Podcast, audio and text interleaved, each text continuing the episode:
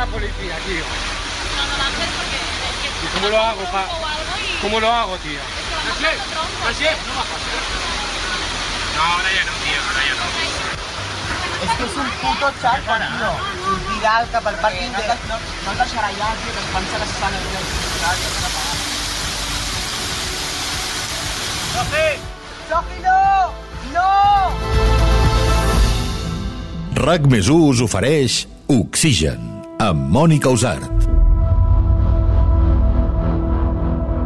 Entre dimecres 12 i dijous 13 d'octubre de l'any 2016 es va produir a Catalunya un episodi de precipitació general que va deixar pluges molt abundants en alguns punts del país. La comarca del Maresme va ser la més afectada i fins i tot alguns registres van superar els 250 litres per metre quadrat. Què va passar? Estava pronosticat? En aquest capítol ho intentarem resoldre.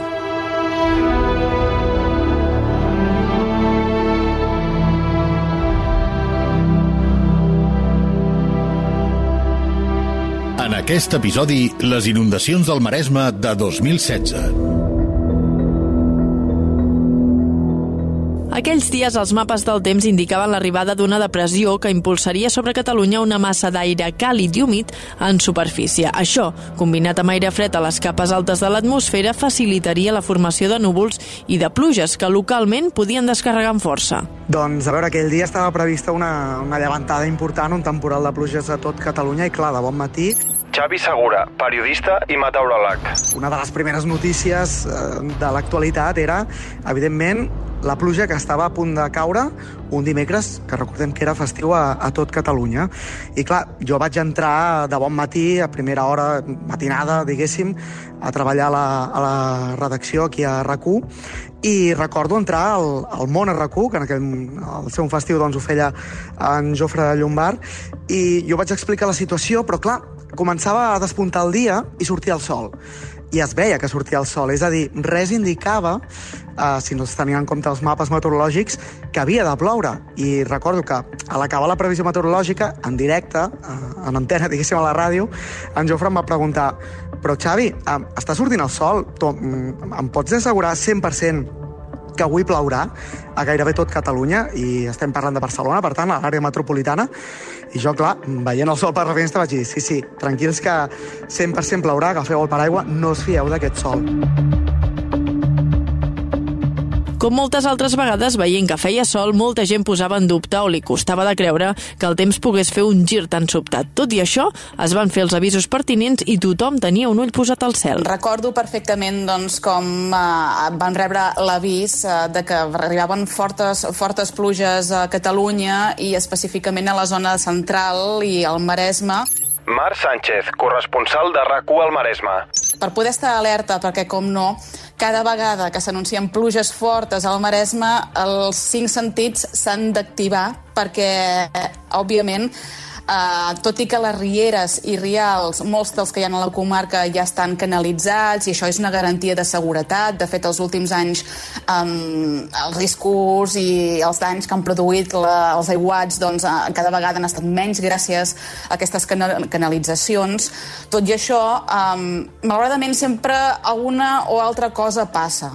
I quan, a més a més, l'avís que vam rebre era de que cauria i cauria fort, doncs calia estar en alerta màxima. Per això, mm, en, al llarg d'aquella tarda, eh, ja vaig iniciar els contactes amb policies locals, amb representants eh, municipals, amb bombers, per estar molt al cas. També xarxes socials, per veure molt el que la ciutadania explicava del que li passava davant de casa seva. La Mar sempre ha viscut al Maresme i des del 2014 n'és la corresponsal de rac Això fa que sigui especialment conscient de les conseqüències que els aiguats poden tenir en aquesta comarca. Ajuntaments, autoritats i cossos de seguretat també estaven preparats. Mira, jo recordo que aquell dia era festiu Damià del Clot, exalcalde de Vilassar, advocat i escriptor. i recordo que estàvem celebrant, era, clar, era un dia assenyalat, i estàvem celebrant alguna cosa vinculada amb el correllengua. Recordo també que es deia que plouria, i com que estàvem a l'aire lliure, teníem certes recances a buscar un espai alternatiu per si havia de ploure, però no ho semblava almenys a l'hora de dinar. I me'n recordo que a la tarda, que jo estava escrivint a, a casa perquè era festiu, va caure el xàfec aquell tan bèstia i me'n recordo que des del principi vaig dir uf, això és molt, molt heavy Jo vivia aleshores en un quart pis i, i veia, i estava molt a prop del mar, i veia tota la cortina d'aigua que queia i pensava, uah, això eh, transcendeix a una mera pluja de- d'aquestes del Maresme, torrencials al Maresme, per ser una cosa una mica més heavy, no? I això sí que ho recordo perfectament. Anaven passant les hores i la pluja queia de manera insistent. Amb el pas de les hores, el temporal va començar a arrencar al sud de Catalunya. Xavi Segura, periodista i meteoròleg. Jo anava seguint des de la redacció, diguéssim, com anaven avançant aquestes pluges i eh, el plat fort va començar a partir del, del migdia, que és quan va començar, diguéssim, la pluja a escombrar tot el territori. Llavors jo recordo que eh, la situació es va començar a complicar i després de dinar me'n vaig anar directe que als estudis de 8TV, que en aquell moment doncs, també fèiem el temps a, a 8TV, i, i a partir d'aquí vaig fer tot el seguiment del temporal, tant per la ràdio com per la televisió, de, de, de com anaven evolucionant les pluges. La situació, òbviament, era de, de temporal de primera categoria, però clar, no se sabia exactament quines conseqüències hi hauria.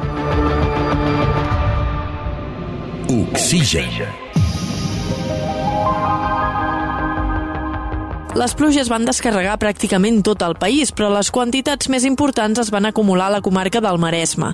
Es van recollir fins a 257 litres per metre quadrat a Vilassar de Mar i 234 a Cabrils, 133 dels quals van caure en només una hora i 85 en 30 minuts. Va ser realment impressionant la tromba d'aigua que va arribar a caure. Mar Sánchez, corresponsal de rac al Maresme. Va ser molt, molt forta.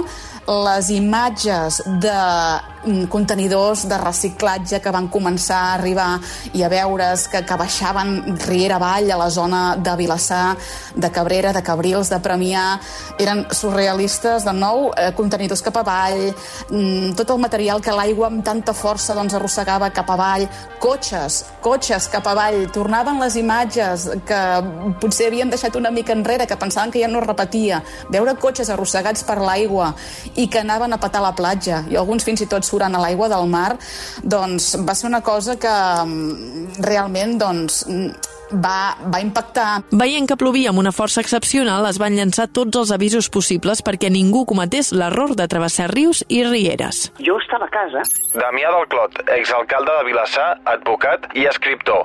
Recordo trucar al cap de la policia local de Vilassar Mar, el Lluís López, vaig trucar al regidor d'Urbanisme, que també era el regidor de Governació, i vam dir, uf, aleshores amb, amb, amb, ell em va dir, no, no, s'ha activat la ràdio, perquè nosaltres tenim una ràdio, que Ràdio Vilassar, que és una ràdio que, que escolta molta gent, que és molt escoltada, i sobretot quan hi ha qüestions eh, de temporal, riarades, coses així, la gent la posa, no? I em va dir, no, no, la ràdio ja ha activat les alertes. Per xarxes socials s'està avisant, sobretot que no es creu la riera de Cabrils, que és una riera que, que separa, per dir-ho així, el poble en dues parts, val?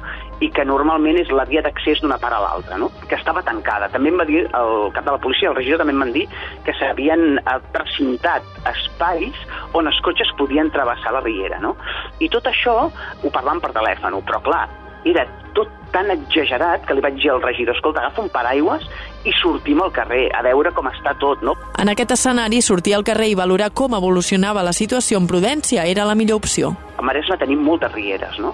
I Vilassar de Mar en concret, quan hi ha episodis de molta violència en la pluja, les rieres baixen en seguida a Vilassar de Dalt, no? I són molt conflictives. No perquè la gent no sigui conscient que això és un perill, sinó perquè a vegades doncs, la necessitat d'anar d'un lloc a l'altre o de travessar d'un lloc a l'altre pot ser que la riera sigui un impediment i sigui molt perillosa. Llavors vam sortir al carrer amb el, amb el regidor i ens vam trobar gent traient aigua a les cases, eh, les rieres col·lapsades, la Nacional 2, cotxes aturats a la Nacional 2, vull dir, vam veure tot el panorama i vam veure que allò era molt bèstia.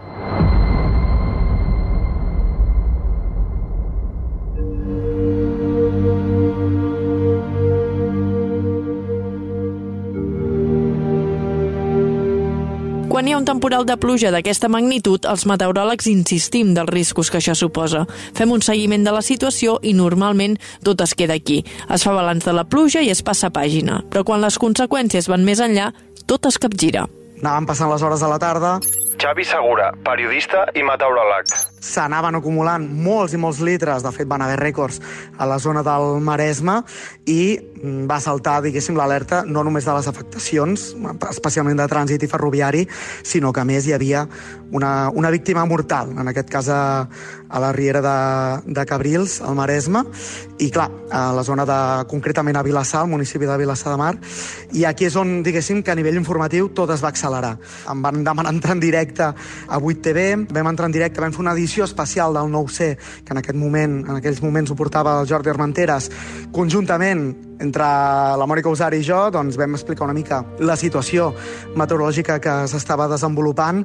I, clar, a nivell informatiu, la meteorologia va agafar eh, primera portada, o sigui, era la portada de tot informatiu i, evidentment, va ser una, una experiència, una, una, una vivència molt intensa que a més, si t'agrada la meteorologia, com és el meu cas, doncs va ser apassionant pel que fa a la meteorologia i a la comunicació, però evidentment un temporal que va passar la història per uns rècords assolits en aquell moment i també per, per les conseqüències que va, va haver-hi. Davant d'aquesta situació, la Mar Sánchez, corresponsal del Maresme, es va desplaçar fins a la zona per veure què havia passat i informar-ne. I a la que ja es va saber que hi havia hagut, malauradament, es va comunicar doncs, la mort d'una persona, doncs ja després cap al vespre, vespre nit, doncs no recordo exactament l'hora, però ja em vaig desplaçar cap a la, cap a la zona de, de Vilassar, cap a la zona on estaven els cossos de seguretat treballant per poder rescatar, treure, treure la persona, ja que el cotxe va quedar encastat a sota el pont i es va haver d'intentar doncs, localitzar la persona per poder, per poder treure-la i les feines van ser molt, molt dures. De fet, el cotxe no es va arribar a treure fins l'endemà al matí perquè va quedar tan enganxat amb l'aiguat, amb el fang, amb tot el que m'havia arrossegat la rierada en aquella zona que, que bé, una imatge molt dantesca i fins l'endemà al matí doncs no es va poder retirar aquest cotxe. Vaig estar allà, vaig poder doncs, comprovar com es feien les feines, parlant amb representants municipals. L'endemà al matí, a més a més, vaig tornar perquè es va convocar una roda de premsa premsa per explicar doncs, tot el que havia passat, avaluar els danys. El fet que hi hagués una víctima mortal després dels avisos que s'havien fet per totes bandes va posar sobre la taula el debat de com actuem els humans, tot i veure que ens estem arriscant. Tot i que sembla que amb el temps hem après, o hauríem d'haver après, a conviure i a saber reaccionar i a gestionar quan cau una tromba d'aigua al Maresme, sobretot a la zona pròxima a Rieres i Rials, um, veure que tornava a passar allò una altra vegada aquell any, aquell octubre, doncs um, va, va impactar molt i sobretot quan hi vam afegir la malaurada notícia de, de la mort d'una persona que va voler creuar la riera de, de Vilassar, la riera que va paral·lela a, a la carretera que porta cap a Cabrils. Sempre es diu, i tots sabem a la nostra zona, doncs, que és un perill, que no s'ha de creuar quan baixa l'aigua no passis, però, no sé, a vegades et dona la sensació, et pot donar la sensació que l'aigua no baixa amb prou força o que dona, pot semblar que, que sí, que pots travessar, que no passarà res. No s'ha de subestimar mai la força de la naturalesa, la força de l'aigua i d'una rierada perquè no se sap mai què pot passar. I malauradament, en aquest cas de Vilassar, d'aquell octubre del 2016, doncs va acabar amb la mort d'una persona que va voler travessar la riera. Com diu la Mar, mai no s'ha de subestimar la força de l'aigua i menys en una zona tan vulnerable com el Maresme. Malgrat hi hagués aquells precintes que posa la policia que no es travessi la riera... Damià del Clot, exalcalde de Vilassar, advocat i escriptor. Sembla ser que va travessar la riera. Fixa't, eh? Va ser tan exagerat és a dir, despe després, quan em donaven les dades, perquè després, el dia següent, clar, jo vaig, a l'haver-hi una víctima mortal, jo vaig haver sortit als mitjans a explicar el que havia passat i tot això, no? I me'n recordo que em van donar les dades, i ara no sé si donaré les dades exactes, però em van parlar de 278 litres, que era com una mena de rècord que havien caigut a Vilassar de Mar, no? Quan vam sortir, amb el regidor d'Urbanisme, ens van dir, a la Riera hi ha un cotxe enganxat a, a, a un pont, val? la Riera Cabrils té diversos ponts que creuen la, que creuen el, el municipi, que creuen Vilassar, no? I ens van dir, hi ha un cotxe enganxat. Fixa't si que hi ha aigua, que no veiem el cotxe. I quan al cap a la una o a les dues va començar a sortir l'aigua, vam veure un cotxe atrapat en el túnel. I aleshores hi havia tanta sorra de la riera, el cotxe estava tan ple de sorra que no veiem si hi havia algú a dins i va ser cap a les 12 o la 1, crec, més o menys, eh, o una o dues, ara ja no recordo, que ens van dir que hi havia una persona dintre el cotxe que havia mort ofegada. Això sí que ho recordo. I recordo que es va intentar buscar els familiars i se'ls va allotjar en un hostal que hi ha a Vilassar Mar, no? Oxigen.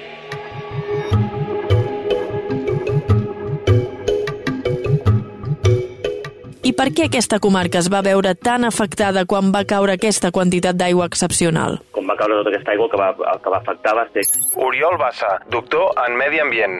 que per una banda eh, la, les rieres, eh, tant la riera de Cabril, que és la principal, com la riera del Torrent Roldós, que són a l'altra que desguassa aquesta, aquest àmbit, no van ser capaços de, de poder treure tota aquesta aigua que estava caient i automàticament doncs, va causar molts danys a la pròpia estructura de la riera, va arrencar marges, va arrencar el clavegram eh, de, de Cabrils que anava cap a, en direcció a Vilassar i també va afectar el de Vilassar i, i va inundar també diversos baixos, baixos de cases i diverses zones de, de, de jardins i, i diverses cases. Però aquesta no és una situació puntual, és fruit de la geografia de la mateixa comarca. En el cas del Maresme són unes conques que són molt petites, entre, eh, entre 5, 10, 20 quilòmetres quadrats la gran majoria, excepte dues que són grans, que són la Tordera i la Ria d'Argentona, però les restes són petites i aquestes el que fan, com cau l'aigua, de seguida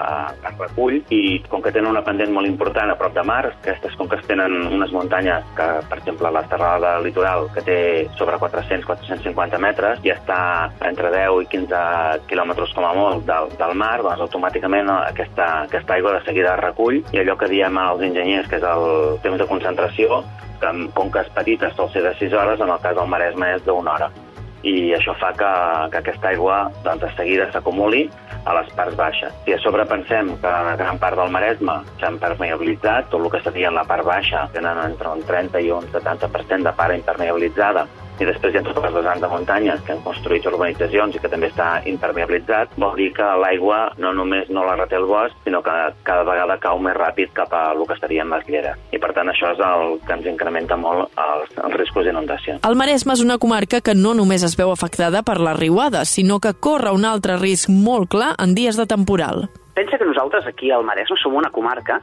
que té tres particularitats. Damià del Clot, exalcalde de Vilassar, advocat i escriptor.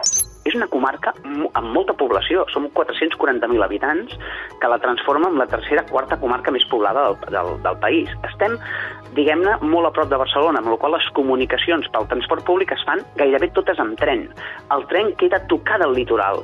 Quan hi ha llevantades, quan hi ha episodis d'aquests de, uh, que, que mobilitzen les ones i tot això, clar, ens afecta moltíssim. Tenim la Nacional 2 i tenim el, la via del tren a tocar del litoral. I això vol dir que col·lapsa la comarca, la col·lapsa, vull dir, no hi ha mobilitat possible, és tot molt complicat i a més a més, si això li sumes que tenim 36 rieres que baixen de muntanya a mar, doncs això ho fa encara ho fa més complicat. Hem analitzat el passat de la comarca arran de l'anàlisi de la situació viscuda a l'octubre del 2016.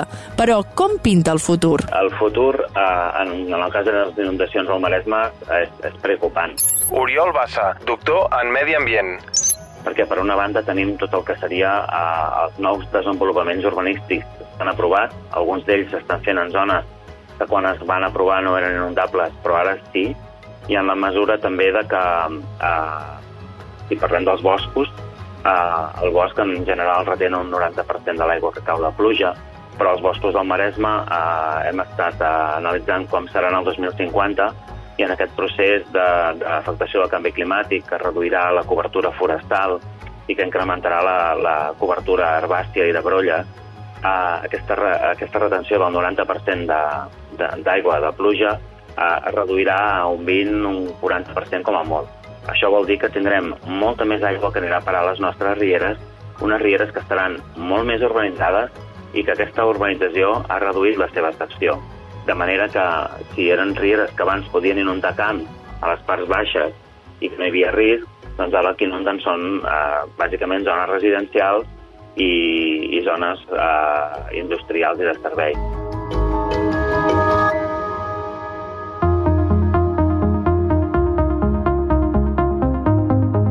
El canvi climàtic ens portarà un nou escenari, construccions en zones inundables, boscos que retindran menys aigua i pluges més torrencials. Què hem de fer, doncs? amb la previsió de que tindrem pluges de més intensitat. El que causarà serà que tindrem més danys i uns danys molt més significatius que causaran pèrdues importants significatives de, de persones i de, i de patrimoni. I les mesures per evitar això eh, no són cap altres que, per una banda, fer plans de prevenció. Hi ha alguns municipis que hores d'ara encara encara en el Maresme no tenen els plans de prevenció que obliga la normativa de l'INONCAT i l'altre el que hem de fer és educar la població. Hem d'agafar la ciutadania i explicar-los que estan en unes zones de risc i que l'única manera que tenen doncs, és, per exemple, estar atents en aquests períodes de pluges i que quan passen doncs, prendre les mesures necessàries perquè no, no els afecti no? i reduir les zones de risc. I també una mica ens haurem de plantejar a mig i, i llarg termini que haurem de pensar que hi haurà zones a les parts baixes dels municipis que les haurem de